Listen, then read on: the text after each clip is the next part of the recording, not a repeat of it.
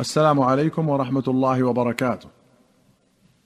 أخرج البخاري ومسلم عن أنس قال قال أبو طلحة لأم سليم: قد سمعت صوت رسول الله صلى الله عليه وسلم ضعيفا أعرف فيه الجوع، فهل عندك من شيء؟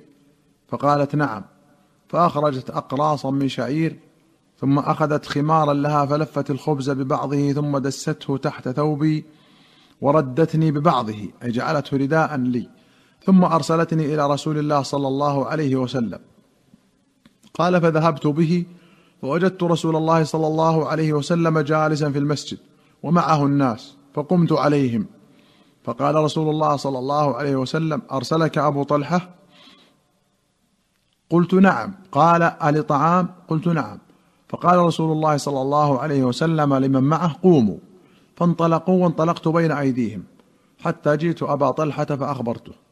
فقال أبو طلحة يا أم سليم قد جاء رسول الله صلى الله عليه وسلم بالناس وليس عندنا ما نطعمهم. فقالت الله ورسوله أعلم.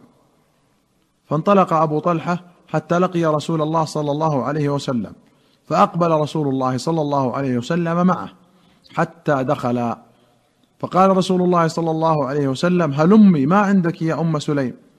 فآتت بذلك الخبز.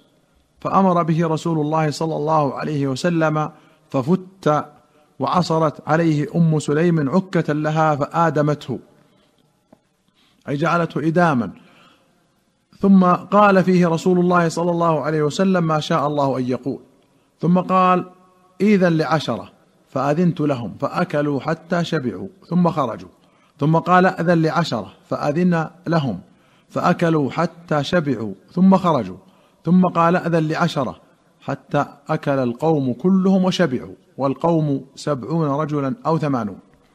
وللبخاري نحوه قال إن أم سليم عمدت إلى مد من شعير جشته وجعلت منه خطيفة وعصرت عليه عكة لها ثم بعثتني إلى رسول الله صلى الله عليه وسلم فأتيته وهو في أصحابه فدعوته فقال ومن معي؟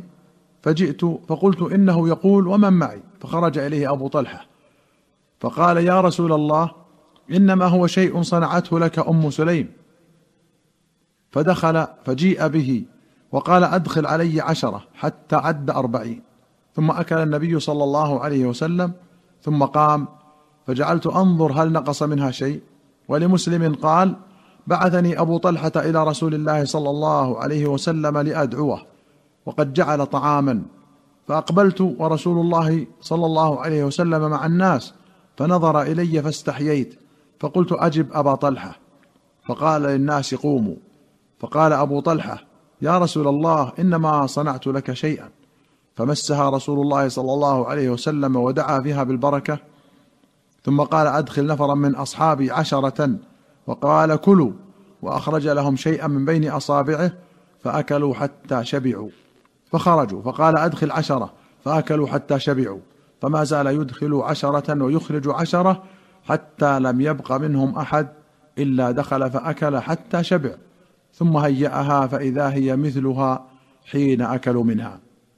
وفي أخرى له نحوه وفي آخره قال ثم أخذ ما بقي فجمعه ثم دعا فيه بالبركة فعاد كما كان فقال دونكم هذا. وفي أخرى قال أمر أبو طلحة أم سليم أن تصنع للنبي صلى الله عليه وسلم طعاما لنفسه خاصة ثم أرسلني إليه وساق الحديث وقال فيه فوضع النبي صلى الله عليه وسلم يده فيه وسمى عليه ثم قال أذن لعشرة فأذن لهم فدخلوا فقال كلوا وسموا الله فأكلوا حتى فعل ذلك بثمانين رجلا ثم أكل النبي صلى الله عليه وسلم بعد ذلك وأهل البيت وتركوا سؤرا.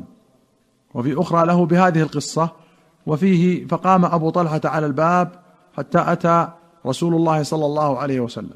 فقال يا رسول الله إنما كان شيء يسير. فقال هلمه فإن الله سيجعل فيه البركة.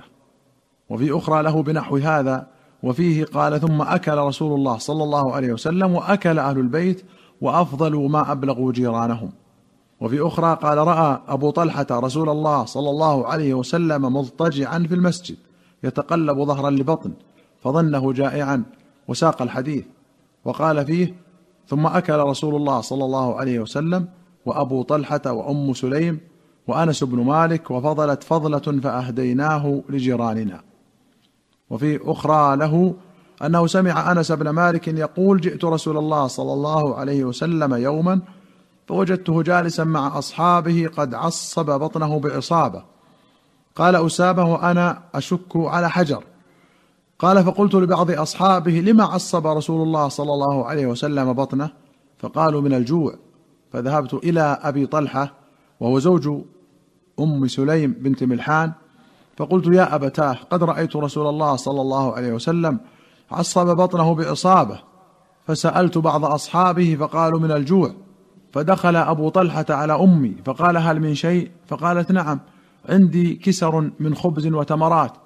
فإن جاءنا رسول الله صلى الله عليه وسلم وحده أشبعناه وإن جاء آخر معه قل عنهم ثم ذكر سائر الحديث. أخرجه البخاري في باب من أكل حتى شبع وفي غيره. وأخرجه مسلم في باب جواز استتباعه غيره إلى دار من يثق برضاه. وأخرج البخاري ومسلم عن عبد الرحمن بن أبي بكر الصديق قال كنا مع النبي صلى الله عليه وسلم ثلاثين ومائة. فقال النبي صلى الله عليه وسلم هل مع أحد منكم طعام؟ ثم جاء رجل مشرك مشعان طويل بغنم يسوقها. فقال النبي صلى الله عليه وسلم أبيع أم عطية؟ أو قال هبة. قال لا بل بيع. فاشترى منه شاه. فصنعت وأمر النبي صلى الله عليه وسلم بسواد البطن أن يشوى. ويم الله ما في الثلاثين والمئة إلا قد حز له النبي صلى الله عليه وسلم حزة حزة من سواد بطنها. إن كان شاهدا أعطاه إياه وإن كان غائبا خبأ له. فجعل منها قصعتين فأكلوا أجمعون وشبعنا ففضلت القصعتان فحملناه على البعير.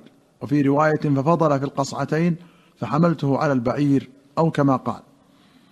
مشعان الرأس بميم مضمومة أي منتفش الشعر ذائر الرأس وسواد البطن الكبد. والحزة بالضم القطعة من اللحم وغيره. والسلام عليكم ورحمة الله وبركاته.